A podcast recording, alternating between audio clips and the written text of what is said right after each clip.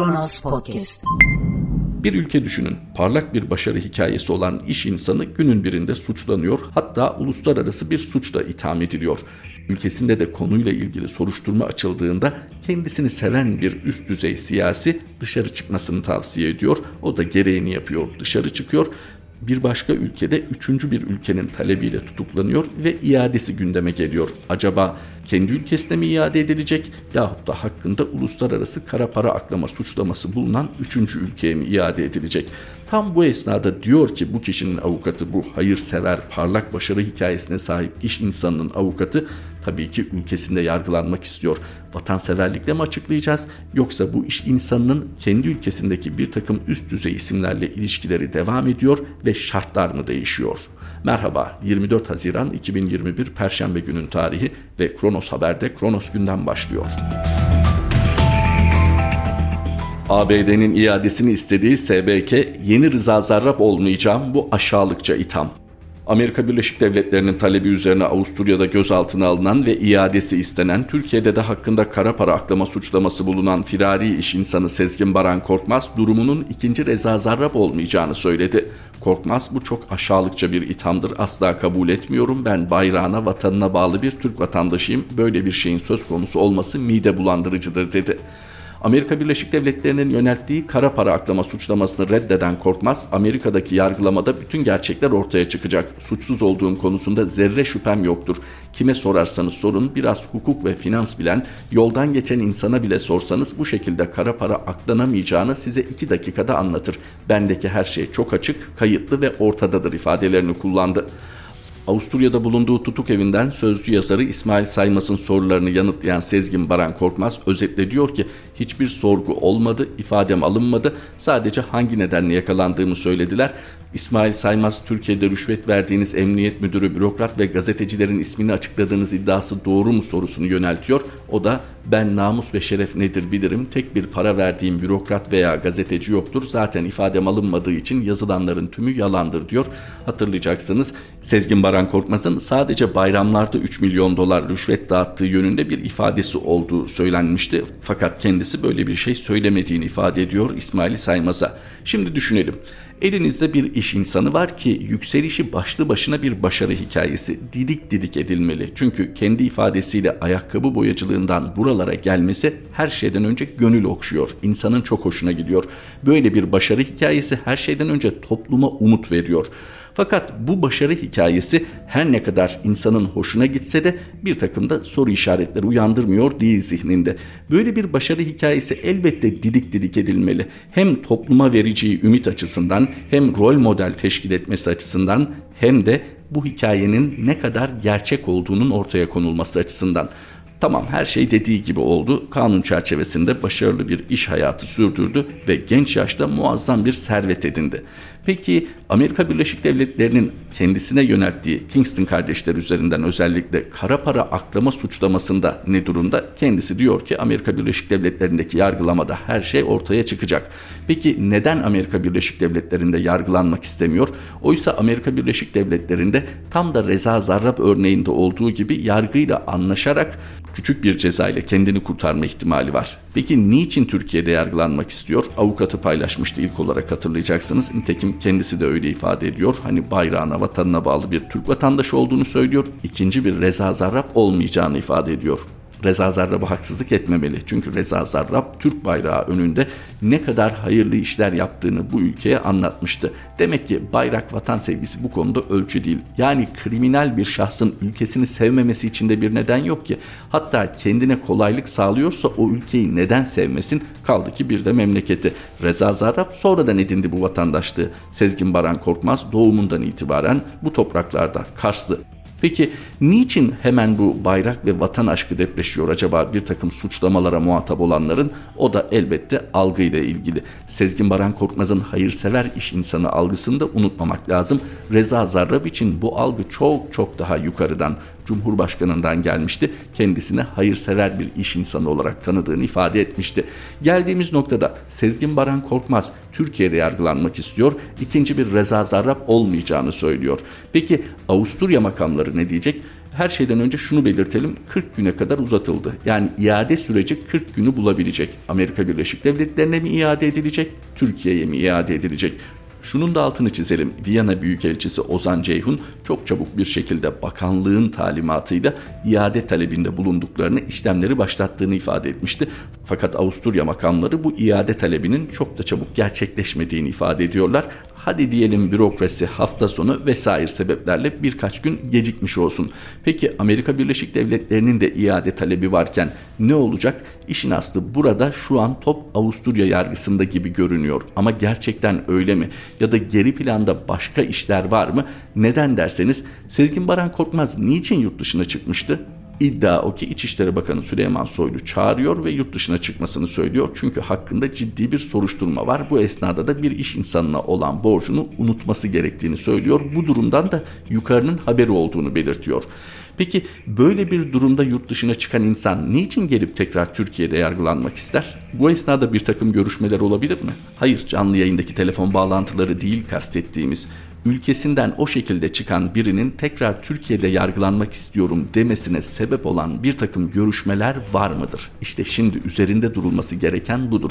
Türkiye'de üzerine atılı bir kara para aklama iddiası var mı? Var. Bu iddia geri çekildi mi? Şu ana kadar böyle bir açıklama duyduk mu? Hayır. Peki zaten bunun üzerine yurt dışına çıkmamış mıydı Sezgin Baran Korkmaz? Hatta yasal bir şekilde onun da nasıl yasallaştırıldığını o çok kısa sürede önce mallarına el konulduğunu daha sonra bu temliğin kaldırıldığını zaten süreci takip edenler biliyor. Gelinen nokta o kadar karışık değil. Sadece bir tek soru işareti var şu an. Sezgin Baran Korkmaz Türkiye'de kimlerle irtibat halinde ve neden şimdi tekrar Türkiye'ye gelmek ve Türkiye'de yargılanmak istiyor? Şurası önemli. Veys Ateş'le olan telefon görüşmesinin bir kısmını dinletmişti malumunuz bazı isimlere medyadan. Peki niçin kalanını dinletmemişti? Kendisi de diyor başka isimler var. Özellikle bir takım siyasilerin isimleri olduğu ifade ediliyor. Yani Sezgin Baran Korkmaz hali hazırda bazı siyasileri koruyor. Yani o kayıtta 12 dakika olduğu söyleniyor toplam kaydın. Bazı siyasilerin adı geçiyorsa bir takım yasa dışı işlerle ilgili mi geçiyor yoksa sadece ismi mi geçiyor? Sadece ismi geçseydi kendini kamuoyu nezdinde aklamaya çalışan Sezgin Baran Korkmaz acaba bunu açıklamaktan çekinir miydi? Demek ki hali hazırda Türkiye'deki siyasilerle ilişkisinin devam ettiğini düşünmek gayet normal. Çünkü arada ne oldu, kimlerle görüşüldü bilmiyoruz ama Sezgin Baran Korkmaz Türkiye'de yargılanmak istiyor. Bu yargı sisteminde siyasiler dahil kurulan bu ilişki ağında Türkiye'de gerçekten adalet tecelli edebilecek mi bu şartlarda? Korkmaz'ın Kingston'larla bağlantısını Varlık Fonu Başkanı Ermut sağlamış hakkında kara para aklama suçlamasıyla yakalama kararı bulunan ve Amerika Birleşik Devletleri'nin isteğiyle Avusturya'da tutuklanan Sezgin Baran Korkmaz'ın Türkiye'ye getirdiği kara parayı nasıl akladığıyla ilgili detaylar bir bir ortaya çıkıyor. Dönemin Başbakanlık Yatırım Destek ve Tanıtım Ajansı Başkanı, şimdi Varlık Fonu Başkanı Salim Arda Ermut'un Korkmaz'ın ABD'li yatırımcılar Kingston'larla arasında aracı olduğu, İngilizce bilmeyen Korkmaz'a yardımcı olduğu ve sonrasında ise Türkiye'ye büyük yatırım diye reklam yaptığı ortaya çıktı. Bu durumu açıklayan isim ise bizzat Sezgin Baran Korkmaz'ın kendisi. 13 Ekim 2016 tarihinde Bloomberg TV'de Sami Altınkaya'nın sunduğu çıkış yolu programına konuk olan Sezgin Baran Korkmaz, Başbakanlık Yatırım Ajansı'ndaki Arda diye bahsettiği Salim Arda Ermut'la ilgili şunları söylüyor. Burada öncelikle Başbakanlık Yatırım Ajansı'na çok büyük teşekkür ediyorum. Haklarını helal etsinler çünkü oranın başında olan Arda diye bir beyefendi bize orada ben İngilizce falan bilmiyorum. Amerika'da yatırımcıları bulurken Arda'nın koluna yapışıp abi gel senden rica ediyorum bunlarla sen bir konuş dediğimizde bir kere bizi çevirmedi. Her seferinde bakın önemli faktör bu. 7 Haziran seçimlerinden sonra 1 Kasım'a kadar biz adam bulamadık. Amerikalıyı götürüp gösterecek iş yapacağız. Amerikalı gelmiş bakın hiçbir bürokrat bir yere imza atmıyor. Ya biz ne olacağını bilmiyoruz falan. Herkes korkak. Korktuğu halde o Başbakanlık Yatırım Ajansı'nın başındaki çocuk bizle beraber alavere dalavere ona gidiyoruz konuşuyoruz ona gidiyoruz konuşuyoruz. Biz 15 Temmuz'dan sonra 950 milyon dolar Türkiye'ye para getirdik. Dönemin Başbakanlık Yatırım Destek ve Tanıtım Ajansı Başkanı Salim Arda Ermut, Sezgin Baran Korkmaz'ı özellikle 15 Temmuz darbe girişiminin ardından Türkiye'ye büyük yatırımcıları getiren isim olarak tanıttı. Korkmaz'la birlikte kameraların karşısına geçen Ermut, Amerikalı yatırımcıların Türkiye'ye ilgisinin devam edeceğini de müjdeledi. Salim Arda Ermut, Türkiye'de son dönemde yükselmenin önemli bir ölçüsü olarak kabul edilen Kartal İmam Hatip Lisesi'nden mezun. Ermut aynı zamanda Cumhurbaşkanı Recep Tayyip Erdoğan'ın oğlu Bilal Erdoğan'ın da aynı liseden sınıf arkadaşı olarak biliniyor. Ermut Boğaziçi Üniversitesi Siyaset Bilimi ve Uluslararası İlişkiler bölümünden 2004 yılında mezun oldu ve 2005 yılında İstanbul'da Başbakanlık Basın ve Halkla İlişkiler Müşaviri olarak kariyerine başladı. Salim Arda Ermut Varlık Fonu'nun dışında TÜPRAŞ Yönetim Kurulu üyeliği de yapıyor. Haziran 2019'da Türk Hava Yolları Yönetim Kurulu üyesi olarak atanan Ermut, Türk Hava Yolları İcra Kurulu'nda da 3 üyeden biri olarak görev yapıyor.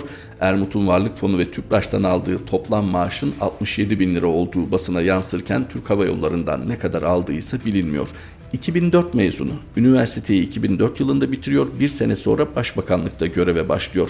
İnsanın aklına ister istemez şu geliyor. Harvard'dan mı mezun? Cambridge'den mi mezun? Boğaziçi mezunu. Elbette Boğaziçi de kıymetli bir üniversitemiz. Umarız hep öyle kalır. Fakat bu kadar hızlı bir şekilde bu kadar üst düzeyden kariyere başlamasının başka bir açıklaması olabilir mi? Mesela üniversiteden önce gittiği lise önemli olabilir mi? Kartal İmam Hatip Lisesi. Tamam bunları da bir şekilde anlayabiliriz. Yani Sayın Bilal Erdoğan'ın sınıf arkadaşı olması hasebiyle çok güvenilir bulunduğu için hızla kariyer basamaklarını tırmandı. Fakat bu kadar genç yaşında bu kadar önemli koltukları işgal ettikten sonra varlık fonunun başına getirilmesi de ilginç değil mi? Burada bakın bir finans başarısı mı gösterdi? Şu ana kadar bir özel fonu yönetti. Büyük başarılarla mı gündeme geldi? İş dünyasında adı öyle mi duyuldu? Hayır. Peki siz nasıl oluyor da kamunun bu büyük birikimini deneyim noktasında son derece tartışılır bir isme emanet ediyorsunuz? İşte orada devreye güven giriyor. Çünkü Cumhurbaşkanı Sayın Recep Tayyip Erdoğan ülkeyi bir şirket gibi yönetmek istediğini ifade etmişti yönetiyor da dediğini yaptı fakat bir aile şirketinden öteye geçmediğini de ifade etmek lazım. Hatta çok mu iddialı olur Koç grubu devletten daha profesyonel yönetiliyor bir aile şirketi olmasına rağmen. Tabii ki senelerin deneyimi onlarda yönetim açısından neyin doğru olduğunu ne kadar profesyonelce hareket etmek gerektiğini mutlaka araştırmışlar ki bu noktaya ulaşmışlar. Fakat bunun teyidi de uluslararası alanda Türkiye Cumhuriyeti Devleti'nden daha itibarlı bir şekilde daha düşük bir faizde borç bulabilmesi Koç grubunun bunun. Oysa Türkiye Cumhuriyeti Devleti güveni esas aldığı için ama bakınız liyakat açısından güvenilir isimlerden bahsetmiyoruz. Aile ilişkileri açısından güveni esas aldığı için geldiğimiz nokta bu. Salim Arda Ermut her iki isminde açıklamalarından anladığımız üzere Amerika Birleşik Devletleri'nde Sezgin Baran Korkmaz'ın Kingston kardeşlerle ilişkisini yürüten ve yüklü yatırımları Türkiye'ye taşıyan vatansever bir genç. Tabii bu vatanseverliğin bir de bedeli var. Salim Arda Ermut ismini birden çok maaş alan bürokratlar listesinde de görmek mümkün. Rivayet o ki iki yerden toplam 67 bin lira maaş alıyor. Bir de buna Türk Hava Yolları İcra Kurulu üyeliği ekleniyor. Onu ise bilmiyoruz. Devlet tabii ki ülke lehine bir takım girişimlerde bulunan insanlara ayrıcalıklar tanır. Bunlar yatırımla ilgili ayrıcalıklardır. Arazi tahsisinden tutun da farklı vergi uygulamalarına kadar bir takım ayrıcalıklar tanıyabilir. Bu dünyanın farklı yerlerinde de olan bir uygulama. Fakat Sezgin Baran Korkmaz örneğinde şunu görüyoruz. Devlet bu kadar kapıları açmışken, devlet bu kadar kol kola girmişken kendisiyle bir de bakıyoruz ki hakkında çok ciddi iddialar var. İşte gelinen noktada Salim Arda Ermut gibi isimler dahil olmak üzere devlet bu kadar kol kola girdiği birinin bu kirli işlerinden habersiz olabilir mi? Yani her selam verip ben iş insanıyım diyen Türkiye'ye yüklü para girişi sağlayabilir mi? Evet ekonomimiz zorda sık sık vergi barışı ilan ediyoruz. Sık sık nereden buldun diye sormayacağız diyerek yurt dışından sermaye akışı istiyoruz. Yani helal haram ak kara bakmıyoruz para getirin diyoruz. Tamam da uluslararası kara para aklama suçlamasıyla itham edilen bir şahıs hakkında bu kadar bilgisiz olabilir mi devlet? Hani sık sık yapılan hatalardan biridir. Hükümetle devlet karıştırılır. Bunun için de uyarılır. Hani devlet ayrı, hükümet ayrı. Hükümet bir takım kabahatler işleyebilir ama devlet neticede farklı bir tüzel kişiliktir. Bu suçlamaları doğru adrese yönlendirmek gerek diye. Fakat bakınız tek parti döneminde devlet ve hükümet o kadar iç içe geçti ki bırakınız mülki amirlerin siyasi tavırlarını bir takım üst düzey bürokratlar devleti düşünmeksizin tamamen partileri hatta daha açık bir ifadeyle tamamen tek adam odaklı düşünüyorlar ve hareket ediyorlar. Şunu unutuyorlar. Nasıl ki mevcut sistem bir önceki sistemi ortadan kaldırarak ya da fevkalade dönüştürerek kurulduysa aynı şekilde dönüştürülebilir ve tekrar hukuk dönebilir. İşte o gün bunları nasıl açıklayacaksınız? Hani bilmiyordum, yanılmışım mı diyeceksiniz. Sezgin Baran Korkmaz hakkında acaba istihbari raporlar yok muydu? Düşününüz bir ülkede müthiş bir başarı hikayesi olan iş insanı hayırsever kimliğiyle öne çıkıyor. Medya tarafından fark ediyorsunuz özellikle parlatılıyor. Bu acaba istihbaratın dikkatini çekmiyor mu? Yani bu şahıs kimdir? Yurt dışından para getiriyor tamam ama nereden getiriyor? Nasıl elde etmiş? Bağlantıları kimlerdir? Hiç merak edilip araştırılmamış mıdır? İki ihtimal var. Ya devlet gaflet içindeydi fark etmedi ya da kanuna uymakla yükümlü olan devlet yetkilileri bilerek bu işin içindeydiler.